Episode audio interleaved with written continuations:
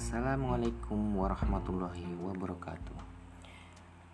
Pemirsa, catatan hari Jumat. Kali ini saya akan membahas tentang akikah.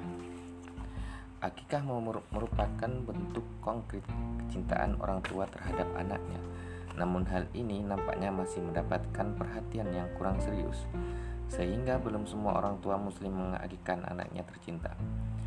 Sungguh disayangkan jika orang tua muslim lebih suka merayakan kelahiran putranya dengan pesta pora, tetapi melupakan anjuran untuk berakikah.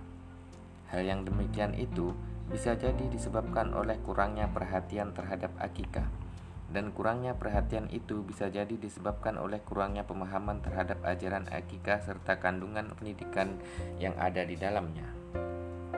Untuk mengetahui apa dan bagaimana teknik pelaksanaan akikah secara sa'i akan lebih bijak jika kita ketahui hal-hal berikut.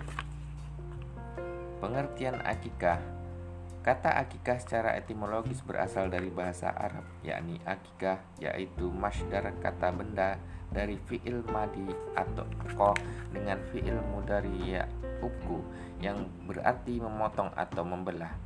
Pengertian ini erat kaitannya dengan memotong binatang secara membelah dagingnya yang secara khusus dilaksanakan ketika mencukur rambut kepala bayi pada usia tujuh hari bersamaan dengan memberi nama baginya. Menurut para ulama, pengertian akikah secara etimologis ialah rambut kepala bayi yang tumbuh semenjak lahirnya. Pengertian yang demikian bisa kita simak dalam kitab Al-Hawasil Madaniyah juz 2 halaman 207. وهي لغة الشعر الذي على رأس الولد ولدته أمه yang artinya akikah menurut bahasa berarti rambut yang tumbuh pada kepala bayi semenjak lahirnya.